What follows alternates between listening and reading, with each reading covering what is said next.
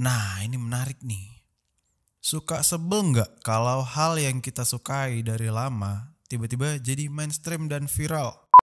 Band atau musik paling aneh dari segi sound yang pernah lo denger dan lo jadinya suka ada nggak?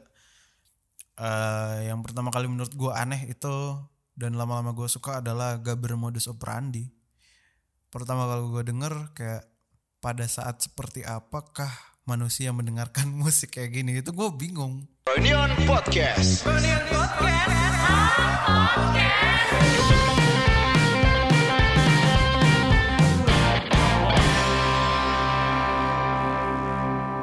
Halo teman-teman, selamat datang kembali di Reunion Podcast episode Sahabat Pena. Kali ini tanggal 9 Agus 9 September hari Kamis. Um, seperti biasa gue akan coba merangkum beberapa hal, beberapa kehebohan yang terjadi beberapa minggu terakhir, seminggu terakhir tepatnya.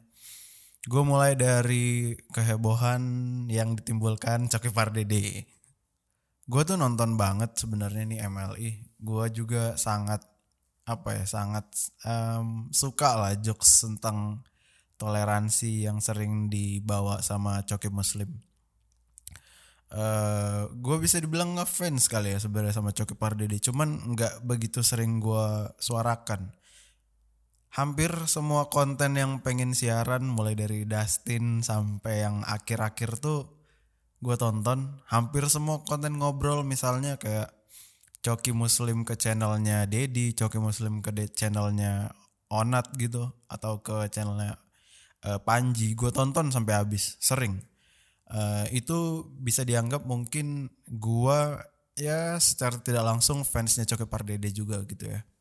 Tapi sebenarnya pas kejadian kemarin gue sama sekali nggak kaget uh, kalau dia narkobaan nggak tahu kenapa kayak sesuatu yang nggak tahu ya gue nggak kaget aja sih ngeliat dia ternyata seorang pemakai karena beberapa kali juga gue sempat nonton pengen siaran tuh si muslim selalu bilang kayak si Coki tuh sebenarnya uh, kayak orang stres gitu loh diajak nongkrong nggak mau diajak um, ke rumahnya makan malam bareng nggak mau jadi most of his time uh, dihabiskan dia sendiri gitu loh Terus dia kan tatoan juga ya, bukan berarti orang yang tatoan pasti narkobaan, enggak. Cuman gue mikirnya tuh, ya pasti orang-orang kayak gitu kan orang-orang yang berpikiran bebas ya. Dan dia tidak menutup kemungkinan dari mana datangnya ketenangan itu. Gue nggak tahu sensasi yang ditimbulkan narkoba apa, cuman biasanya orang uh, level ya selebritis katakanlah ya, aktor, aktris gitu biasanya memang memakai atau mengkonsumsi mengkonsumsi narkoba itu kan untuk ketenangan ya gue tidak membenarkan sih cuman ya gue bisa memaklumi kalau orang se apa ya sesibuk itu setenar itu sepadat itu mungkin jadwalnya tapi gue sebagai fansnya dia bisa apa ya semacam mikir kalau kelakuannya kayak gitu tuh udah nggak usah disangkut pautin sama karyanya atau jokesnya dia gitu loh. Gue lebih suka apa ya memisahkan antara figur dia sebagai stand up comedian dan sebagai orang ya sebagai orang masyarakat sipil gitulah. Oh mungkin gue kagetnya itu gara-gara cara cara Coki Pardadai Pardai mengkonsumsinya sih. Gue itu agak Wow, gue nggak tahu kalau sampai situ dan gue juga nggak mau mengomentari soal preferensi seksual gitu ya. Itu ya biar gitu loh. Gue nggak mau tahu soal soal pribadinya dia, soal masalahnya dia. Yang gue harapkan adalah kalau misalnya Coki tetap eh misalnya kalau Coki berhasil di rehab eh, nggak uh, berubah gitu loh. Gue harapkan dia masih membawa Eh, tema-tema uh, tentang hmm, toleransi. Gue harapkan jokesnya nggak berubah lah gitu. Terus gue lihat juga di uh, podcastnya Deddy Kobuser kemarin ada siapa namanya ya? Ketuanya itu si Patrick Effendi terus ada Muslim ada satu pendeta jadi tiga orang dari ML itu ngomong kalau mereka sebenarnya udah tahu sebelum ditangkap ini mereka udah tahu kalau si Coki itu adalah pemakai gitu loh. gue juga lihat di situ sangat gue apresiasi si apa ya Muslim beberapa kali menawarkan untuk em, tinggal di rumah yang sama gitu loh, tinggal di rumah deket sama si Muslim biar ya sebenarnya kalau dari obrolan itu sih gue tangkep Muslim sebenarnya kasihan juga sama si Coki ini kayak nggak punya siapa-siapa gitu lah. Jadi si Muslim menawarkan untuk bareng gitu loh, deket tinggalnya, tinggalnya gitu. Sebenarnya dia peduli banget sama Coki. Dan ada satu pendeta di situ, gue lupa lagi namanya siapa, yang di kayak semacam ditugaskan MLI untuk menenangkan batinnya Coki inilah.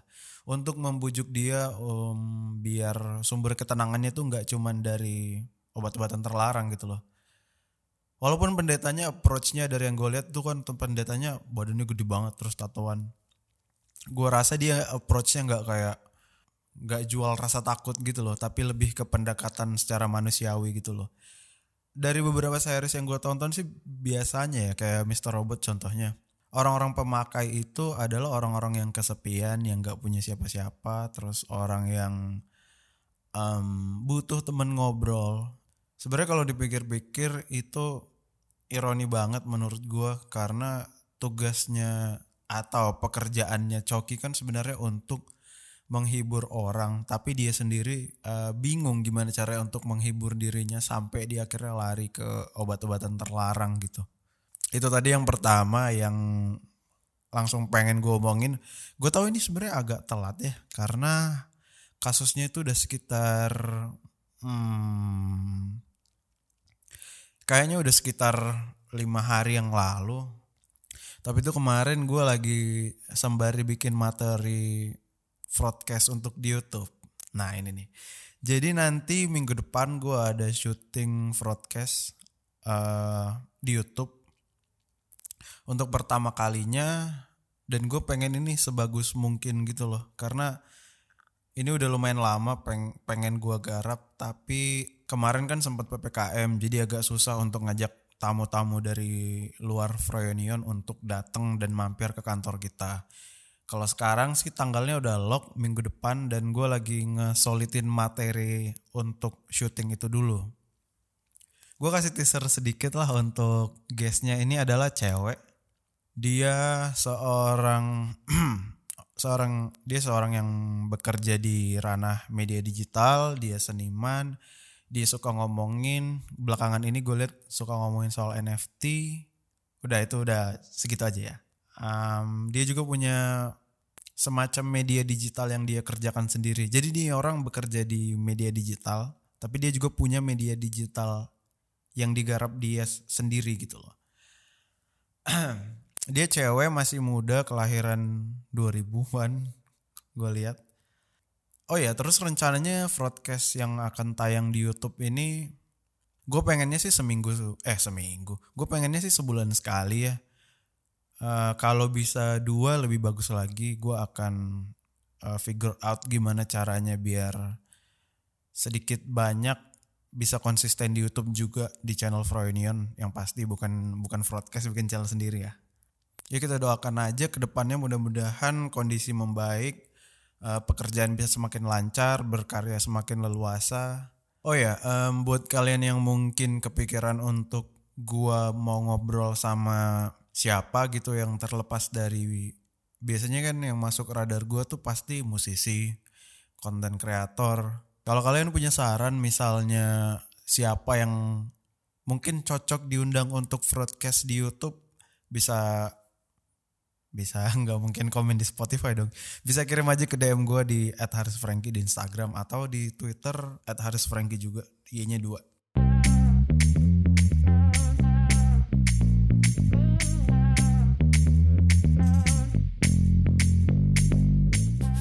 Oke, jadi eh, sebenarnya eh sebenarnya jadi gue udah kirim beberapa pertanyaan di Instagram gue @harisfranky untuk menjawab pertanyaan-pertanyaan yang singkat dan ngaco biasanya di Instagram. Kalau di Instagram ya itulah singkat dan ngaco. Kalau di email biasanya serius. Oke lah. Jadi gue sekarang akan mulai milih beberapa pertanyaan dari Instagram dulu. Ini gue pilih yang sederhana dulu ya. gue pilih dari namanya ini Ade Sitki. Ade Sitki ini udah beberapa kali nanya nih. Ade Sitki bertanya, pernah nggak sange di momen yang nggak pas?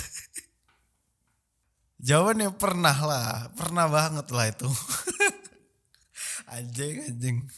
Pernah, pernah. Coba gue inget-inget dulu ya. Wah gimana ya? Gue gak mungkin gue ceritain dong. Intinya, oh mungkin gue ceritain gimana mensiasatinya aja kali ya. Biasanya kalau momen yang gak pas ini kan ketika lo in the middle of something gitu loh entah lo lagi ngantor entah lo lagi kerja atau apa gitu kan tapi kalau gue pribadi sih misalnya ada yang bikin kayak gitu ya ya nggak mungkin langsung diselesain saat itu juga sih Mas Ade Sidki paling lo ya bertahan gitu loh. Maksudnya ditahan dulu kalem kalem gitu loh. Atau kalau urgent banget ya lo larilah ke toilet. Kalau gue pribadi sih nggak nggak kayak gitu ya, nggak sampai mengganggu gitu ya. Biasanya uh, setelah di rumah nggak mungkin nggak mungkin lagi kerja lu berhenti gara-gara itu. Nggak nggak kayak gitu. tapi tapi, tapi kalau misalnya beneran kejadian ya, misalnya lo lagi kerja gitu tiba-tiba nggak bisa nggak fokus gara-gara itu ya lo selesaikan dulu lah. Gue sih lebih mending gitu ya. Misalnya lo kerja terus lo misalnya kepikiran sesuatu terus lo apa uh, sange gitu. Ya lo kelarin dulu gitu lo lo eh lo kelarin dulu uh, daripada lo nggak fokus ya kan lo lo buru-buru ke toilet um, ya lo selesaikan urusan lo kalau ternyata pas sudah selesai lo lebih fokus ya kenapa enggak gitu? Daripada ditahan-tahan ditahan-tahan nggak bisa fokus pikiran kepecah ya kan? Waduh ya mendingan lo selesaikan dulu ya. Lagian pertanyaan kayak ya nggak apa ngaco gini nggak apa masih awal-awal oke okay lah. Yang kedua referensi berbusana terinspirasi dari mana bang? Sama kalau boleh tahu brand favoritnya apa? Gini gue biasanya tuh nyari panutan itu orang yang udah bener ada karyanya dulu ada sesuatu yang kita bisa apresiasi sebagai karya baru bu baru gue ngelihat cara dia berpakaian gimana cara dia ngomong gimana buku yang dibaca apa gitu loh. Kalau gue sih biasanya uh, suka lihat contoh outfit yang dipakai. Sebenarnya basic sih sama Mohan Hazian ini dia foundernya dari Tank Insomnia gue udah lumayan lama ngikutin dia karena ceritanya ngebangun Tank Insomnia ini lumayan struggling dan dia juga datang dari uh, ya bisa dibilang working class lah, struggling dari awal gitu loh. Pertama pertama dia bikin Tank Insomnia itu kan dia jual tas skateboard dulu di Tebet. Bukan tipikal orang yang dikasih modal sama keluarganya berapa juta, berapa ratus juta terus bikin clothing gak kayak gitu. Mohan ini adalah ya orang yang dari bawah sampai akhirnya bisa nyampe kita katakan sukses lah dengan idealismenya dia sendiri yaitu ngebangun clothing line yang namanya Tank Insomnia itu. Ini gue follow Mohan biasanya untuk referensi. Lalu setelah Mohan uh, ya jelas Mas Ernanda Putra. Mas Ernanda biasanya gue contoh outfitnya ya kalau mau agak formal, semi formal, klasi gitu. Uh, terus Brian jelas Brian Brian Brian Otoni Harjo yang sudah gue undang di podcast juga. Stanley juga gue follow banget tuh uh, outfit inspiration dari dia tuh gue selalu save savein Stanley tuh gue follow banget karena gue dapat insight dari dia gue dapat insights dari dia kalau milih pakaian tuh bukan soal warna doang kayak lo harus merhatiin body shape lo seperti apa lo harus sesuaiin cuttingan dari bajunya gimana baru lo bisa nextnya ke ke color coordination gitu. Nah ini menarik nih suka sebel nggak kalau hal yang kita sukai dari lama tiba-tiba jadi mainstream dan viral mantap nih pertanyaannya dari siapa nih? Eh Najwa HSSN. Mbak Najwa, gini ya. Nah ini sebenarnya gue bisa ngasih dari dua perspektif. Yang pertama mungkin dari perspektifnya kita sebagai penikmat karyanya dulu. Gua sih ya, gua nggak bisa pungkiri waktu gua yang lebih muda tuh agak nggak suka ketika nggak apa. Ini gua malu ngakuinnya, cuman nggak apa-apa. For the sake of the answer aja ya.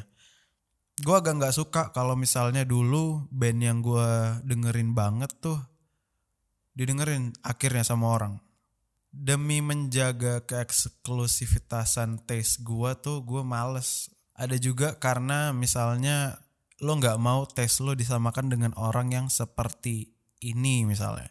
Yang contoh ya contoh yang misalnya mungkin nggak lebih keren daripada lo gitu kan? Biasanya kenapa kita nggak mau uh, punya tontonan atau musik yang sama sama orang? Gini gini gini. Kalau cuman sekedar risih atau kayak apa sih kesel dikit gitu nggak apa-apa lah tapi jangan sampai misalnya satu hal yang lo suka terus mainstream terus lo jadi nggak suka lagi itu menurut gue aneh sih. Itu kan kalau misalnya kita pandang dari perspektif uh, pencipta karyanya itu kan hal baik gitu loh. Itu kan hal baik misalnya ada lebih banyak orang yang bisa menikmati karyanya dia. Uh, musisi atau seniman yang lo dengerin atau yang lu apresiasi tadi bisa menghasilkan lebih banyak income gitu loh. Akhirnya mungkin dia bisa menciptakan karya yang lebih idealis lagi, yang lebih sesuai sama idealismenya dia gitu. Karena sudah tidak ada boundaries dari segi financial. Contoh kasus ya, gue waktu itu kan uh, dari album Flying Solonya Pamungkas, gue dengerin. Sampai sekarang gue dengerin kok. Dari misalnya uh, total plays di Spotify-nya itu cuma berapa ratus ribu dulu.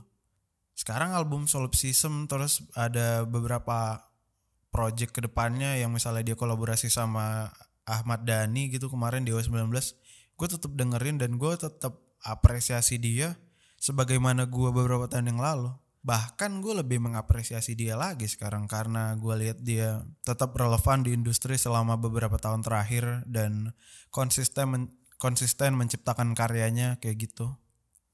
Jadi itu ya Mbak Nazwa ya. Bukan Nazwa siapa nih? Nazwa WHSSN. Kalau misalnya sekedar perasaan risih, ih kenapa dia jadi dengerin kenapa dia jadi dengerin musik gua sih? Ya nggak apa-apa. Tapi kalau misalnya kita sampai berhenti dengerin karya musisi tersebut cuman gara-gara orang lain dengerin, itu menurut gua agak aneh begitu ya. Nah ini dia ngasih dua pertanyaan nih si Mbak Nazwanya nih dan dua-duanya bagus menurut gue. Selanjutnya nih pertanyaan dia. Ritual apa yang biasanya dilakuin sebelum ketemu orang banyak biar bisa berbaur? Ah kalau ini nggak bisa dibohongin tergantung mental ya. Uh, gue sendiri pun merasakan misalnya kalau gue nggak achieve apa ya target mingguan gua atau to do list mingguan gua. Kayak kemarin deh beberapa hari yang lalu kan ada masalah tuh di luar kerjaan. Dan sedikit enggak sih banyak. Banyak berpengaruh sama performa kerja gua akhirnya. Nah itu rasanya males banget buat ketemu orang. Kayak gua awal minggu kemarin aja sebenarnya pengen seminggu tuh nggak ketemu orang. Tapi kan nggak nggak mungkin kayak gitu kan. Kan ada kewajiban pekerjaan yang gue harus laksanakan. Jadi ya biasanya gue coba untuk ngebagusin mood dulu sebelum uh, berangkat gitu ya. Gue coba dengerin musik sebelum ketemu orang gue coba dress up. Itu kemarin juga gue bahasin di podcast sebelum ini. Gue coba dress up eh sorry. Gue coba dress up biar pas ketemu orang tuh gue di mood yang di kondisi mood yang lebih baik gitu loh uh, gue percaya sih gimana cara lo berpakaian berdandan atau gimana cara lo nge-present yourself ke others people itu bakal berimpact ke diri lo sendiri uh, secara mental ya gitu ya. Gue sih ngerasa sih kalau misalnya gue dandannya eh gue misalnya dandan tuh kayak aneh. Gue ngerasa sih kalau misalnya gue uh, pakai outfit yang gue suka gue lebih excited buat ketemu orang. Gue lebih prepare gitu loh. Mood gue nggak jelek lagi. Jadi mungkin itu bisa coba uh, kalian coba-coba juga ya. Karena itu yang berhasil buat gue dan belum tentu buat kalian berhasil juga. Kayak gitu. Ini dari Instagram pertanyaan bagus-bagus loh. Gimana kalau di episode ini gue baca yang di Instagram dulu ya. Di episode depan nanti gue baca yang di email. Gak apa-apa kali ya kayak gitu ya. Ini karena tadi gue sempet ngebahas turnstile dan ada beberapa pertanyaan yang nanya soal album Glow On. Gue jawab aja lah ya. Ada sekitar lima orang pertanyaan yang sama ini. Bang, tahu turnstile dari mana bang? Terus track terbaik menurut lo di album Glow On apa? Sebenarnya gue tau Turnstile tuh udah lumayan lama. Ya angkatan-angkatannya siapa waktu itu ya? Power Trip. Gue tuh udah tahu tuh udah masuk radar gue tuh Turnstile. Tapi nggak begitu dengerin. Nah pas album Glow On ini kan mereka abis desain sama label gede tuh. Nah gue penasaran masih sama nggak ya uh, musik yang mereka ciptakan. Gue coba dengerin kalau taunya dari mana album Glow On ini dari Instagram story-nya Iga Masardi waktu itu dia nge-share uh, di sana udah mulai tour tour gitu ya promo albumnya mereka. Tapi kita di sini masih ppkm dan nggak tahu sampai kapan. Ya gue dengerin lah dari situ. Uh, yang di YouTube itu judulnya Turnstile Love Club TLC dan ya pertama kali dengerin nggak masuk. Kayak biasanya kita dengerin musik-musik baru lama-lama gue puterin sambil misalnya uh, working out gitu exercise lari uh, uh, segala macem lah berkegiatan gitu lama-lama enak juga gitu loh masuk ternyata. Kalau favorite tracksnya itu adalah sebenarnya favorite tracks di album Glow On ini hampir semua cuman gue pilih lima ya. Yang pertama Misteri yang kedua Underwater Boy, yang ketiga Fly Again, yang keempat Wild World, yang kelima TLC.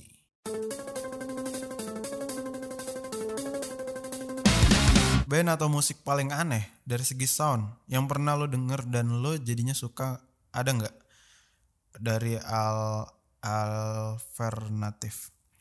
Uh, yang pertama kali menurut gue aneh itu dan lama-lama gue suka adalah Gaber modus operandi. Pertama kali gue denger kayak ini maksudnya apa? gitu loh. Ini pada saat seperti apakah manusia mendengarkan musik kayak gini? Itu gue bingung. Nah tapi ternyata yang jadi touch point gue suka sama Gaber modus itu adalah gara-gara bagaimana mereka bisa menyatukan unsur kelokalan daerah Bandung itu kan karakter ya jadinya sama sama musiknya. Jadi kayak porsi kelokalan dan porsi kualitas musiknya itu uh, diraciknya sedemikian rupa sehingga akhirnya balance dan akhirnya mereka di acknowledge sama uh, skala global gitu loh. Mereka pernah main di Primavera Festival. Gue pertama kali nonton sih waktu itu yang pas ada King Gizzard di Kuningan City. Setelah King Gizzard main gambar modus naik panggung dan pertama kali gue lihat tuh kayak kayak mau kiamat gitu loh musik-musiknya. Dari outfitnya dari performing live performing actnya semuanya beyond. Semuanya justru di luar dari apa yang biasa kita lihat di acara-acara musik. Tapi poin itu cukup kuat sehingga akhirnya gue coba dengerin musiknya dan lama-lama masuk. Gue gue nggak tahu kenapa lama-lama gue masuk dengerin gak bermodus. Apalagi yang sama ton 10 ton itu. Terus di Instagramnya juga sering banget ngepost Instagram uh, video aneh-aneh. Itu sih band paling menurut gue aneh dan pas gue dengerin lama-lama eh malah suka. Gila ini banyak banget yang nanyain bang Aswin ke mana bang? Nanti gue jawab nanti nanti What is happiness for you? Giovanni Janitra. Wah, bagus banget namanya. Apa kebahagiaan? Yang gue sadari adalah yang gue sadari belakangan ini adalah kebahagiaan itu perlu diperjuangkan. Jadi kayak gini, lo nggak akan bisa bahagia ketika lo ngelakuin hal yang di dalam alam bawah sadar lo tuh sepele, remeh gitu loh. Atau yang sudah pernah lo achieve sebelumnya. Kadar kebahagiaan lo itu menurut gua ya, makin lama makin naik gitu loh. Jadi kayak gue contohnya, sekitar 4-5 hari yang lalu tuh gue ada satu masalah dan masalah ini lumayan mengganggu mood gue jadi gue agak repot gue nggak bisa maksa diri gue untuk kerja tuh susah gitu loh. Dan gue ikutin tuh terus moodnya kayak gitu. Gue coba jalanin semuanya setengah-setengah gitu loh. Tapi lama-lama perasaan kayak perasaan kayak sampahnya itu nggak hilang gitu loh. Lo tetap ngerasa anjing gue kayak sampah ya gitu. Dan itu terus ada nggak hilang-hilang perasaannya. Gue sadar sih kalau misalnya dibilang orang kalau kayak gitu tuh uh, takes time for yourself gitu loh. Mungkin gue waktu itu kelamaan ya dari hari Jumat kayaknya Sabtu Minggu kayak gitu terus. Apalagi kalau lu ngerasa kayak gitu tuh males banget ketemu orang. Akhirnya at some point gue ah nggak bisa nih kelamaan nih gue kayak gini. Gue coba nyusun gue harus ngapain tuh dalam hari dalam hari Senin kayaknya gue coba nyusun oh ini yang harus gue lakukan gini gini gini gini mulai dari kegiatan mulai dari kerjaan yang untuk beres-beres lah terus beres-beres uh, kerjaan kantor juga terus uh, taking care of myself gitu misalnya. Apa potong rambut cukuran olahraga uh, baca buku. Nah ketika gue ngelakuin sederhananya gini ketika to do list yang gue tahu harus gue lakuin gue kerjakan itu baru gue bahagia. Jadi nggak bisa tuh misalnya lu tenang-tenang duduk-duduk bahagia enggak. Lu lihat pemain bola bisa uh, nangis bahagia itu karena mereka kerja kerasnya luar biasa gila gitu loh. Sampai akhirnya ngangkat piala itu yang mereka rasakan bahagia karena kerja kerasnya uh, akhirnya membuahkan hasil. Karena berusaha karena memperjuangkan sesuatu dan akhirnya dan akhirnya berhasil gitu. Kalau kita diem-diem aja, kita nonton TV terus, kita main PS, kita mm, nggak mm, ngelakuin hal yang kita tahu bakal berguna di masa depan, kita malah mengabaikan hal-hal itu tuh ya nggak bakal bahagia gitulah. Kalau gue sih gitu ya. Oh, jadi pertanyaan jadi pertanyaannya tadi kalau gue jadi coba gue balik ke pertanyaannya tadi adalah what is happiness for you? What is happiness for me is um when I achieve something. Iya. Yeah. Ketika yang gue perjuangkan membuahkan hasil, ya itu sih yang paling gampang. Kalau lo nggak memperjuangkan sesuatu, atau lo nggak punya ambisi nggak punya motivasi gitu nggak tahu tujuanmu mau ke mana arah hidupnya ya susah untuk bahagia wah ini aneh banget nih. Uh, Hardot Purnomo pengen tanya bang invest di apa aja sama tips-tipsnya? Wajing gue tuh gue um, gue nggak tahu ini invest atau enggak ya. Karena instrumen investasi itu kan biasanya kayak yang apa um, reksadana lah kayak gitu-gitu. Kalau gue justru nggak nggak ngerti gue reksadana. Gue uh, ya ada tabungan yang diem aja nggak dia apain ada juga yang dicoba diputerin gitu. Tapi kalau misalnya ini dianggap sebagai investasi, gue coba uh, breakdown dulu definisi investasi itu apa. Menurut gue investasi itu ya sesederhana uh, bentuknya bebas apa aja, cuman intinya sesuatu yang tujuannya jangka panjang, sesuatu yang menolong lo secara finansial untuk lo diri lo di masa depan gitu. Nah kalau gua itu investasinya lagi bikin usaha uh, kuliner. Ini yang paling besar sih. Ini kayak hampir setiap bulan tuh bisa berapa persen lah gue alokasikan sekitar eh, 20 sampai 30 persen dari pendapatan gue gue alokasikan ke sana. It's a low process. Gue eh, ngejalanin ini sama adik gue dan sama partner gue satu lagi teman gue dari kecil juga. Kita sadar bahwa kita punya pekerjaan utama dan ini tuh eh, jangan sampai mengganggu pekerjaan utama kita berjalan setahun dan eh, rencananya nanti gue pengen sekarang sih masih ngontrak di daerah Cisauk. Silakan coba di order anjing jadi promo. Silakan coba di order tuh kalau kalian yang makan daging tidak haram ya daerah Cisauk. Eh, itu investasi terbesar gue belakangan ini. Udah sampai ngontrak udah sampai ya ada yang masak gitu lah ada yang bantu pengiriman juga. Em, itu investasi gue yang pertama. Yang kedua di di hobi.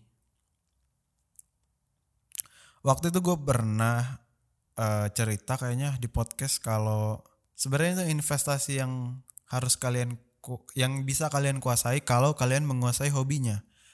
Gue waktu itu pernah beli kamera eh, analog medium format namanya Mamiya RZ67 ini kamera tahun 95 kalau nggak salah.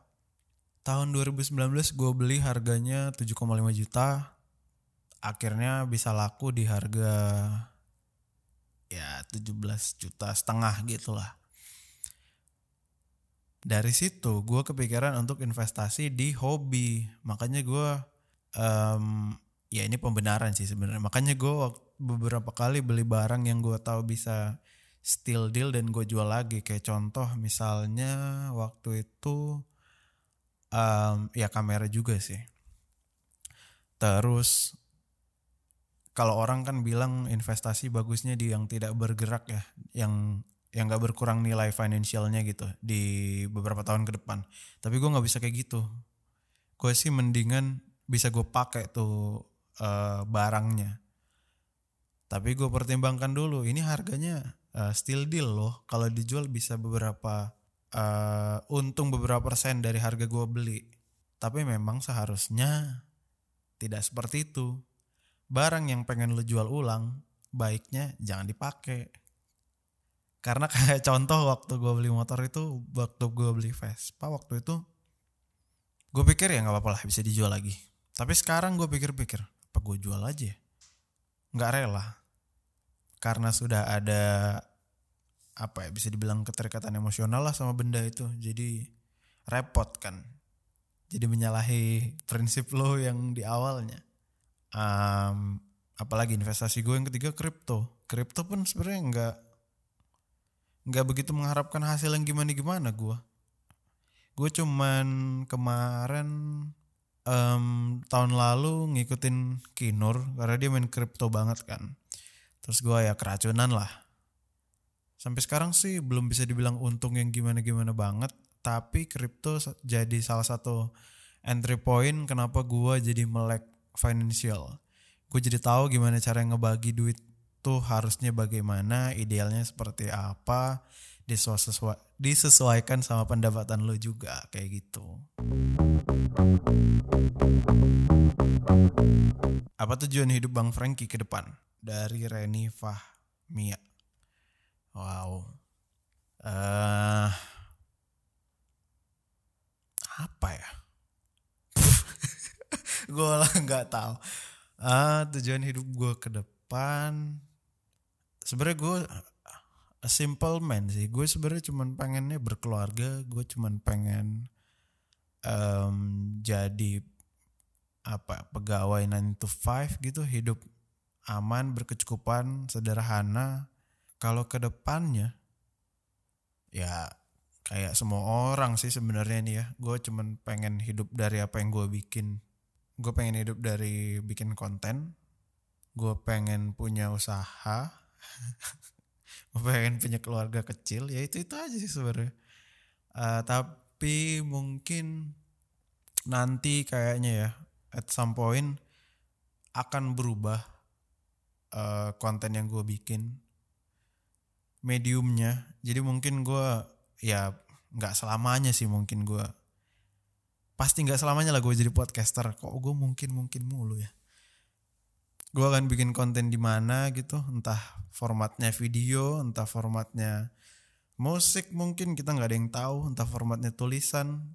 Intinya gue pengen banget hidup dari eh, ranah kreatif tetap karena waktu gue bikin podcast itu kan tujuannya bikin konten pengembangan diri self development karena gua waktu di umur 20 atau 19-an itu gua nggak tahu mau minta nasihat ke siapa, gua nggak tahu mau nanya ke siapa. Gampangnya gua nggak punya mentor. Nah, karena berangkat dari masalah gua awal-awal merintis karir itu, makanya gue bikin konten kayak sekarang nih. Makanya mungkin ada beberapa dari pendengar yang merasa gua bisa ditanyain hal-hal yang mereka bingungkan gitu. Jadi siklusnya nggak berulang gitu loh. Jadi siklusnya nggak anak muda nggak tahu nanya ke siapa, anak muda nggak punya mentor gitu, yang sebenarnya pengen terjun ke industri kreatif tapi nggak tahu. Gue pengen siklusnya berhenti di gua. Gue pengen generasi di bawah gue tuh bisa nanya ke ke gua gitu loh, ke atau ke orang-orang lain yang mereka look up. Nah sekarang yang gue rasakan adalah kayaknya sih udah achieve itu. Udah ada base audiensnya broadcast kan udah ada pendengarnya udah ada um, udah ada community-nya lah yang sangat suportif ini sudah terbentuk. Itu sih anjing jadi ngawur kan. Sorry ya. Pertanyaannya susah sih. Jadi gue uh, melebar jawabnya Oke, ini yang terakhir deh, karena ada beberapa pertanyaan yang serupa. Bang Aswin ke mana bang?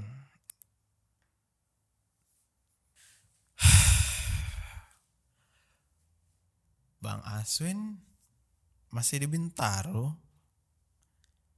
Dia ya intinya gimana ya? Dia intinya udah nggak sama kita lagi. Um, dia tetap berkarya di industri kreatif. Gue belum tahu rencana ke depannya Aswin apa cuman yang jelas itu sih dia um, memutuskan untuk mundur dulu dari Froynion.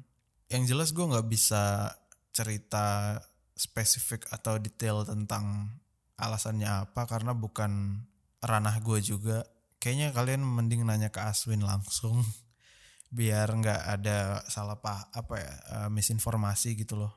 Tapi yang bisa gue sampein dia tetap berkarya di ranah kreatif dia tetap ya dia masih main sama gue sih gue masih sering uh, dm dman sama dia gue masih sering main kayak kemarin ke tempat Ari sama dia. Masih komunikasi lah tapi yang jelas yang gue percaya banget tuh Aswin ngerasa berterima kasih sekali sama para pendengar eh gue juga berterima kasih sih sama para pendengar yang sudah tetap mendengarkan broadcast ada banyak perubahan, ada banyak inovasi, ada banyak trial and error, tapi masih ada yang dengerin sampai sekarang, masih ada yang mengapresiasi ke gua dari DM, email. Gua mengucapkan terima kasih banyak yang sebesar-besarnya. Baiklah, um, terima kasih sudah mendengarkan Friend Podcast. Sampai jumpa di episode selanjutnya. Bye.